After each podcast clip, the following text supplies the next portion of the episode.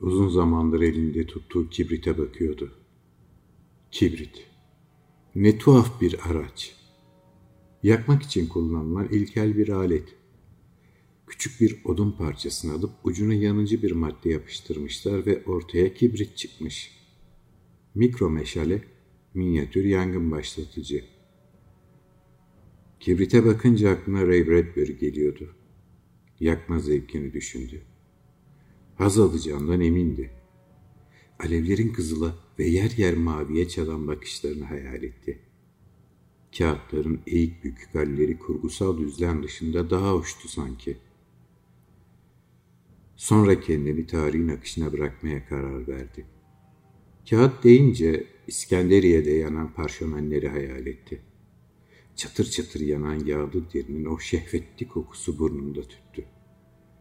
Medeniyeti yok eden o yangınlar şimdi bir arzu nesnesi haline almıştı. Sonra İbrahim'in ateşini düşündü. Ateşin içinden, ateşi hissederek ama huşuyla oturan bu yüce şahsın duruşunda isyanın en derin anlamı yatmaktaydı.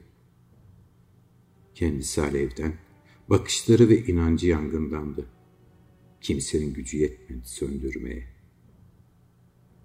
Kibrite baktı yeniden. Ne kadar ilkel bir aletti böyle. Halbuki çakmak öyle mi? Son derece modern, gösterişli ve işlevsel. Kibrit gibi üzerine masallar yazılmamış gerçi. Küçük kızların satarken donduğu bir alet olmaması ne güzel. Kibritin çakmaktan sonra icat edilmesi ise ayrı bir ironi. Kim, neden böyle bir şey icat etmek istemişti acaba? Saçını karıştırarak baktı. Vasati kırk çöp. Vasatın ne yapacağı sahiden bilinmiyor. İlkel aletlerle aya çıkıyor ama yarım asır sonra buradan öteye geçmek şimdilik imkansız, diyor. Çakmak varken kibrit icat etmelerine şaşırmamak gerek. Kibrit kutusunun üzerinde yanması için çekilmiş bir şerit var. Bu şeridi görünce sınırları düşündü nedense. Milyarlarca insanı ayıran ve ne zaman birileri sınırları aşmış kanları anımsadı. Sınırın dışına çıkanlar, sınırı aşanlar. Sınırları çizenlere karşı mı gelmeliydi yoksa sınırsız bir dünyanın anahtarı bazılarının sınırlandırmasında mı saklıydı? Bir türlü akıl sır erdiremedi. Kalktı. Yerinden doğrulup duvardaki şeritlere göz gezdirdi. Sonra kibritle yer yer yanmış ama halen görevini ifa eden sofra bezine baktı. İzleriyle zamanı aşan bir şey düş kibrit. Zamanı aşıyor. Geçmişte gelecek arasında şimdinin bütün sıradanlığını panayıra çeviriyordu. Karnıversk yangınlar ve hiç sönmeyen Bizans ateşini söndürme çabaları.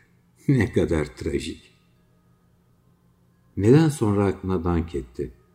Madem yanmak bu kadar merak uyandıran gizli bir hazdı, kendinde denese ne çıkardı? Acıyı hissetmek istiyor. Acının günahını üstlenmek için an kolluyor ve günahsızların adına kendini feda ediyordu. Beşir Fuat'ın bilmem kaçıncı kuşak akrabası olduğunu kurguladı o an. Gereken özgüveni aldı ve kutuyu açtı. İçinden birini çekti. Sürtüp yaktı ve üzerine attı. Ceketi yanarken deri kokusu odayı sarıyordu. Onun aklında ise yanık kokusundan ziyade yalnızca sayı dolaşıyordu. Vasati 39 Ölmeden evvel söndürdü ateşi. Yanıklarla ramparça olan, delik deşik ceketini şöyle bir süzdü. Bruno'yu, Madımak Oteli'ni ve Rönesans'ın ortasında yapılan cadı avlarını anımsadı ölüm sandığından daha sıcaktı. Fakat mutasyonu ölmesine bir türlü müsaade etmiyordu. Çabucak iyileşiyor, yepyeni oluyordu. O vakit bir daha deneyecek mi diye düşündü. İşte orası zamana bağlıydı.''